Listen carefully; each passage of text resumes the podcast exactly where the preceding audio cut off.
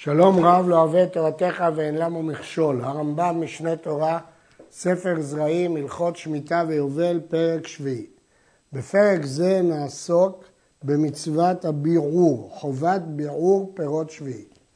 פירות שביעית אין אוכלים מהם אלא כל זמן שאותו המין מצוי בשדה, שנאמר, ולבהמתך, ולחיה אשר בארצך, תהיה כל תבואתך לאכול.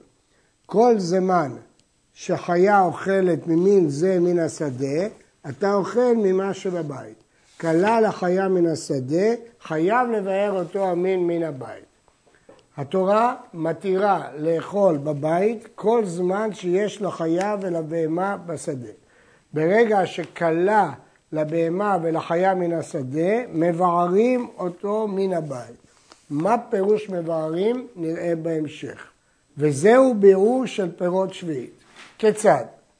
הרי שהיו לו גרוגרות של שביעית בתוך ביתו, אוכל מהן כל זמן שתאנים באילנות בשדה. אם יש לו גרגרות, כלומר תאנים מיובשות, הוא יכול לאכול רק כל זמן שיש תאנים באילנות שהחיה והבהמה יכולים לאכול מהם. כלו התאנים מן השדה, אסור לאכול מן הגרוגרות שבבית, אלא מבאר אותם. היו לו פירות מרובים, מחלקן מזון שלוש סעודות לכל אחד ואחד. ואסור לאכול אחר הביאור, בין לעניים בין לעשירים. ואם לא מצא אוכלין בשעת הביאור, שורף באש או משליך לים, או מאבד בכל דבר שמאבד. ישנה מחלוקת על עניים ועשירים, אבל הרמב"ם פוסק שבין עניים, בין עשירים, אסור לאכול אחר הביאור.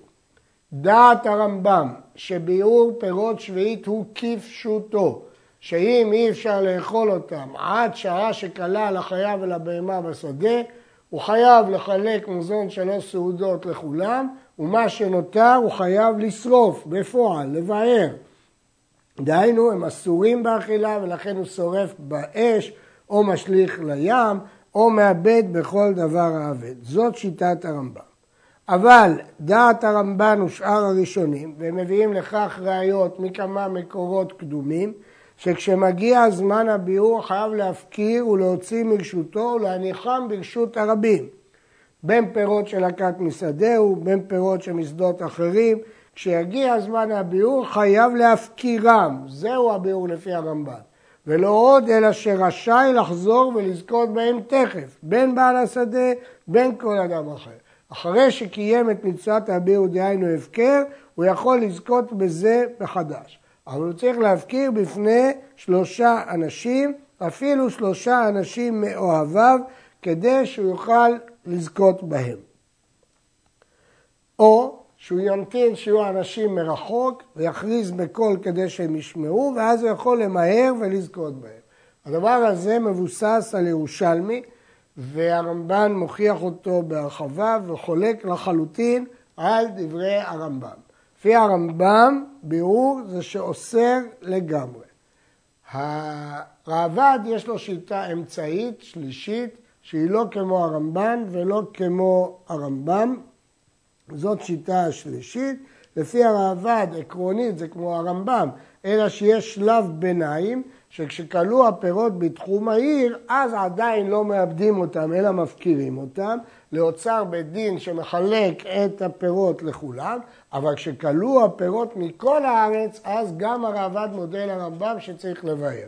אבל כאמור, לרמב"ן ולשאר הראשונים, הדין של ביאור הוא הפקרת הפירות. אם עבר ולא הפקיר את הפירות, כאן יש רבים שאומרים שבכל מקרה הפירות אסורים באכילה והנאה. אבל אם הוא ביער אותם, הוא יכול לחזור ולזכות בהם. זאת שיטת הרמב"ם. כאמור, הרמב"ם חולק וביאור פירושו לדבריו לבער מן העולם. היו לו צימוקים של השביעית, וכלו הענבים מן השדה, מן הגנות והפרדסים שהם הפקר.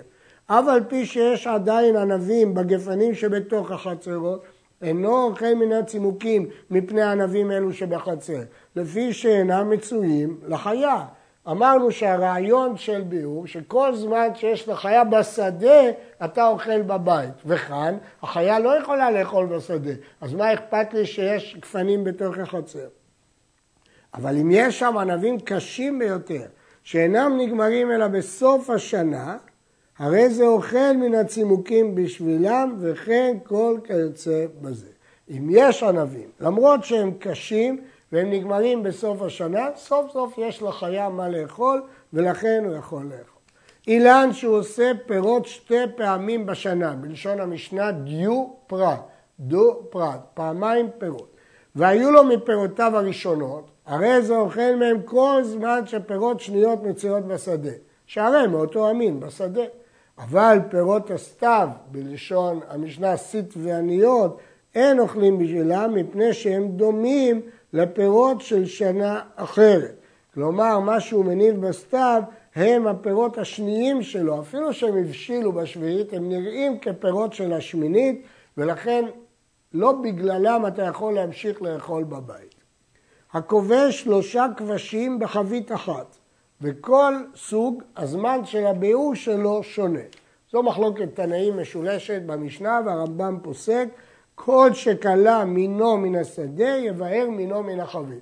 לא מתייחסים לחבית כאל אחת, אלא לכל מין ומין. כל מין שכלה מן השדה, חייבים לבאר אותו מן החבית. ואם התחיל בה, הרי הכל כמבואר. אם הוא כבר התחיל לפתוח את החבית ולאכול, אפשר להתייחס אליה כיחידה אחת, שכבר התחילה לאכל, אז אין חובת ביאור, כי הוא כבר התחיל לאכול אותה. זהו פירושו של הרמב"ם. וזהו פשט הירושלמי לפי רוב המפרשים. הרדווז מפרש להפך, שאם התחיל לאכול את החבית והגיע זמן הביאור של אחד מן המינים, חייב לבאר את כל החבית, כי כל החבית היא יחידה אחת. אבל רוב המפרשים הסבירו את הרמב"ם שהוא יכול להמשיך לאכול כי זה כבר כמבואר. וכשם שמבאר אוכלי אדם, כך מבאר אוכלי בהמה מן הבית. ואינו מאכילן לבהמה אם כלה אותו המין מן השדה. גם הבהמה אסורה לאכול בבית, אם בהמת שדה אינה יכולה לאכול. וכשם שמבערים את הפירות, כך מבערים את הדמים, את דמי שביעית. כיצד? מה פירוש? הרי שמכר רימונים של שביעית, והרי הוא אוכל בדמיהם, אז כבר למדנו שהדמים מקבלים גם כן קדושת שביעית. אז גם בדמים יש דמי ביאור. וכלו הרימונים מן האילן שבשדה ונשאר אצלו מן הדמים שמכר בהם, חייב לבאר. אז נשים לב, שיש לו כסף של דמי שביעית, הוא צריך לדעת הכסף הזה מאיזה פירות באו. אם הם באו מתאנים, הוא יכול לקנות בהם אוכל רק כשיש תאנים בשוק. אם הוא באו מרימונים, הוא יכול לשאול, לאכול עד שישארו רימונים בשדה. כיצד עושה? קונה בהם מאכלות ומחלקן מזון שלוש סעודות לכל אחד ואחד, או ישליך המעות לים המלח, אם לא מצא אוכלים. אז אני מדגיש שוב, זמן הבירור הוא לפי הדמים שנלקחו מהפירות. דהיינו, אם הוא מכר תאנים, זמן הביאור של דמי התאנים הוא לפי זמן הביאור של תאנים. וזה אומר שכל מעון שביעית שיש לאדם, הוא חייב לדעת של מים, אז אם הוא קיבל אותם ממישהו אחר, חייב לשאול אותו מאיזה פירות זה הגיע, כדי שידע מתי זמן הביאור שלהם. שלוש ארצות לביאור. ארץ יהודה כולה, ההר והשפלה והעמק, ארץ אחת. עבר הירדן כולו, שפלת לוד והר שפלת לוד, ומבית חורון עד הים, ארץ אחת. והגליל כולו, גליל העליון, וגליל התחתון ותחום טבריה, ארץ אחת. ואוכלים בכל אחת ואחת משלושתן עד שיכלה האחרון שבה. זאת אומרת, מחלקים את, את הארץ לאזורים כפי שכתוב פה, הוא יכול לאכול עד שיגמרו הפירות באותו אזור. כיצד? היו לו פירות בארץ יהודה, אוכל מהם כל זמן שיש מאותו המין בכל ארץ יהודה, כולה. וכן אם היו לו פירות בגליל, אוכל מהם כל זמן שיש אותו המין בכל ארץ הגליל כולה, וכן בעבר הירדן. כלומר, כל אזור אפשר לאכול כל עוד נשארו פירות באזור הזה, אבל אם נשארו באזור אחר, הוא לא יכול להמשיך לאכול. כי מה שקובע זה האזור שלו. יש פה קושי. הרמב"ם הזכיר פה את עבר הירדן כולו, אבל לכאורה למדנו שהארצות שכבשו עולי מצרים ולא כבשו עולי בבל, לא נוהג בהם ביאור. אז לפי זה מוכרחים לומר שעולי בבל גם כבשו את עבר הירדן. אחרת, מדוע עבר הירדן חייבת בביאור? הרי הרמב"ם הגדיר שרק מה שכבשו עולי בבל נוהג בביאור, ולא מה שכבשו עולי מצרים. ויש מפרשים שמה שהרמב"ם נוקט פה עבר הירדן, הכוונה עבר הירדן המערבי, בצד של אה, לוד, ולא עבר הירדן המזרחי. אבל בדרך כלל במשנה תורה, כשהרמב"ם נוקט עבר הירדן, זה עבר הירדן המזרחי, וצריך לומר שיש אזורים מהם שכבשו עולי בבל. זו דעת הרמב"ם. אבל לדעת הרבה ראשונים, אז אין שלוש ארצות, דעת התוספות והרשב"א, אלא כל ארץ מתחלקת לשלוש, ההר והשפלה והעמק, כלומר יש תשע ארצות, ורק בכל ארץ אפשר לאכול עד שיכלה אחרון שבה, כלומר בהר של יהודה אפשר לאכול עד שיכלה בהר של יהודה, ואילו לפי הרמב"ם אפשר לאכול עד שיכלה בכל יהודה כולה. ושלוש שרוצות אלו כולם חשובות כארץ אחת לחרובים ולזיתים ולתמרים. בחרובים, בזיתים ובתמרים אין מחוז, כל ארץ ישראל אחת, ואוכלים בתמרים עד שיכלה האחרון שבו. יש כתב, כתב יד שכתוב עד שיכלה האחרון שבצוהר, ליד ים המלח. בכל אופן, כל הארץ נחשבת כארץ אחת, ועד שלא יכלה האחרון, זה נחשב שאפשר לאכול ולא צריך לבאר. ומתי הוא קלה? עד הפורים. וכן אוכלים בזיתים עד העצרת, כלומר ששמינית, עד הפורים של שנה שמינית. עצרת של שנה שמינית, עד אז יש זיתים, ובענבים עד הפסח של מוצאי שביעית, ובגרוגרות עד חנוכה. אני מדגיש שוב, כל התאריכים הכתובים פה של השנה השמינית, אבל כל זה מן הסתם. אבל אם ידוע בפירוש שכבר כלה, בוודאי שאסור לאכול. המוליך פירות שביעית ממקום שכלו למקום שלא כלו, או ממקום שלא כלו למקום שכלו, חייב לבאר, לפי שנותנים עליו חומרי מקום שיצא משם וחומרי מקום שהלך לשם. לכן, אם הוא בא ממקום אחד שכלול למקום שלא כלול או להפך, הולכים לחומרה והוא חייב לבאר.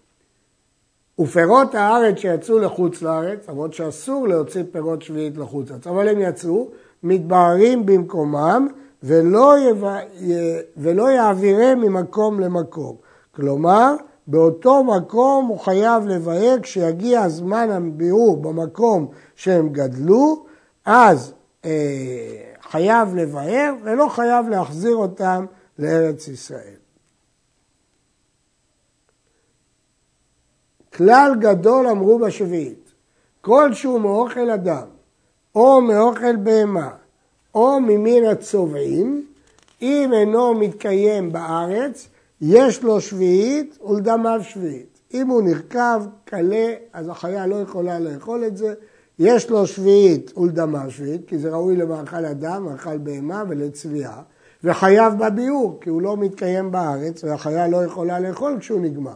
ויש לדמיו ביאור, אם קנו בו, אם מכרו אותו תמורת כסף, כגון עלי אלוף השוטה, ועלי הדנדנה, נענה, מנטה, והעולשין, מאוכל אדם, כגון החוכים והדרדרים, מאוכל בהמה, צמחים קוצניים, כגון איסטיס וקוצה ממין הצובעים, כל הדברים הללו יש להם שביעית ולדמיהם שביעית, יש להם ביאור ולדמיהם ביאור.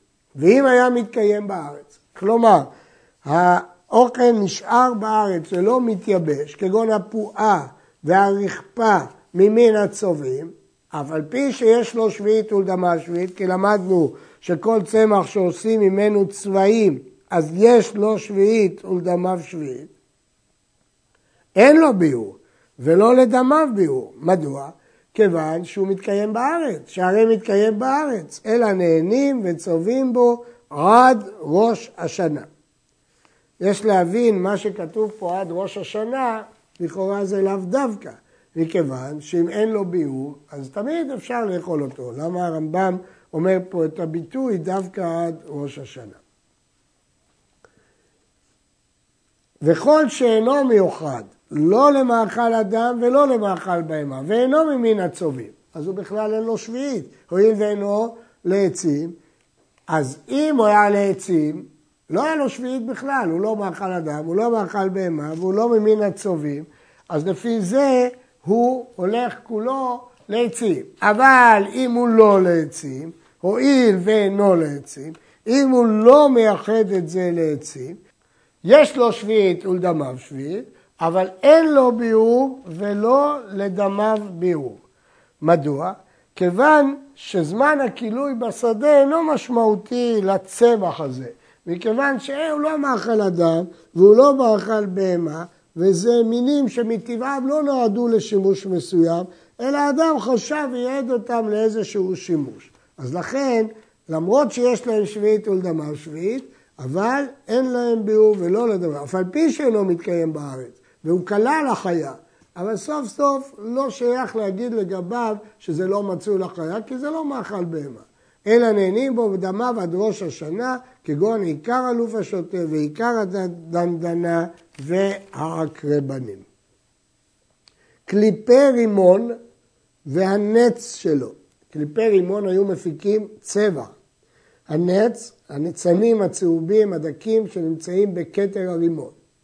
קליפי אגוזים והגרעינים, גרעינים לא של אגוזים, אגוזים הם גרעינים, של שאר מינים. יש להם שביעית ולדמיהם שביעית, כי הם עשויים או לאכילה או לצבע, אבל אין להם ולא לדמיהם בירור. למרות שיש להם שביעית ולדמיהם שביעית, אבל אין להם ביאור ולא לדמיהם ביאור. מדוע?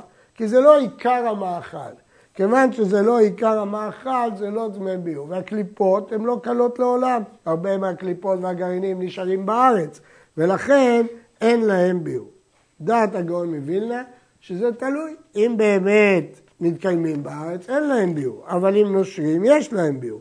אבל לפי דעת הרמב"ם, קליפים וגרעינים למרות שיש להם שביעית כי הם ראויים למאכל או לצרייה, אבל אין להם ביאור כי יש הרבה מהם שנשארים בשדה.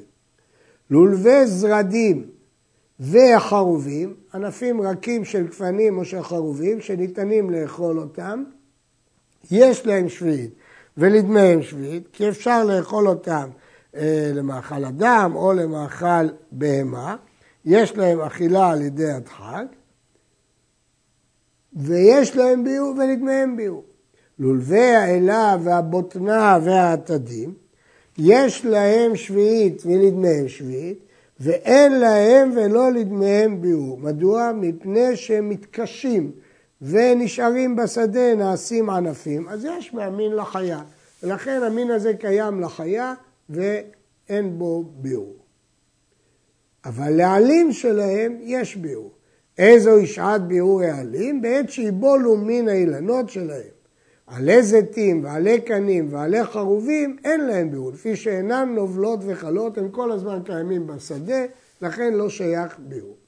ועד מתי יהיה אדם מלקט עשבים לחרים בשביעית? אדם רשאי ללקט עשבים לחרים בשביעית מכיוון שהם ראויים לאכילה. ויש מינים שלהם שמתייבשים. אבל עד מתי הוא רשאי ללקט? עד שיבש המתיק, מין ירק מר ששמו פקורות. כשיבש המין הזה זה סימן שכל העלים הלכים התייבשו ולכן הוא לא יכול, זה שעת הביאור, והוא לא יכול יותר ללקט. ויגבב עשבים יבשים עד שתרד רבייה שנייה במוצאי שביעית. עשבים יבשים הראויים למאכל בהמה, עד מתי הוא יכול ללקט? עד שתרד עונה השנייה של הגשמים, שאז מתקלקלים גם היבשים בגלל הגשמים, ואז אסור לאכול יותר. ועד מתי יהיו עניים מותרים להיכנס לפרדסות במוצאי שביעית לאסוף פירות שביעית? עד שתרד רביעה שנייה. למה? כי עד אז דריסת הרגל לא מקלקלת את הזרעים של מוצאי שביעית. אחרי שתרד רביעה שנייה, זה כבר מקלקל את הזרעים, ולכן זה אסור. הוורד והכופר והלוטם אלה צמחים שונים שמפיקים מהם תמרוקים. יש להם שביעית ולדמיהם שביעית. הם מיועדים למאכל או לשיחה או לצביעה. הכתף, והוא שרף היוצא מן האילנות ומן העיקרים, הוא יוצא מהאילן ויוצא מן השורש, אין לו שביעית.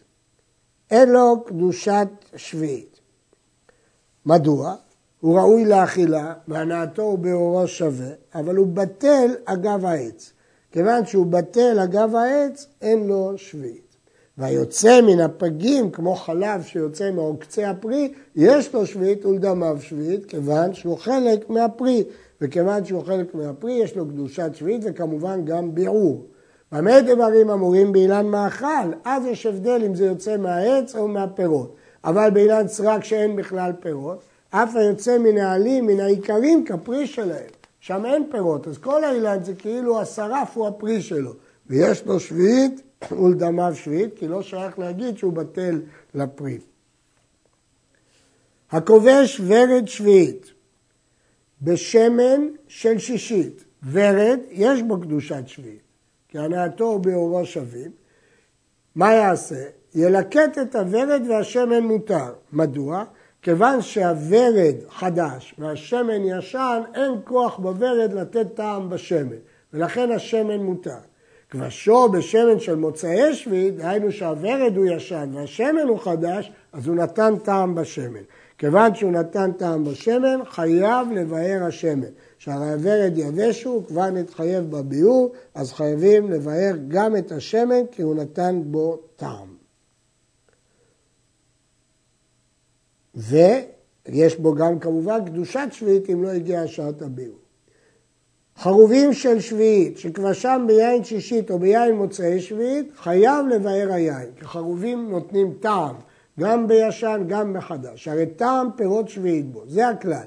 פירות שביעית שנתערבו בפירות אחרות, מין במינו, בכלשהו, כי אי אפשר אה, לבחון את הטעם, ולכן אסרו בכל שהוא. אבל שלא במינו, בנותן טעם. כיוון ששלא במינו, אז אסרו רק בנותן טעם. יש ראשונים שחלקו ואמרו שדווקא אם נתערב קודם הביאור זה בכל שהוא, אבל אחר הביאור זה בנותן טעם. עד כאן.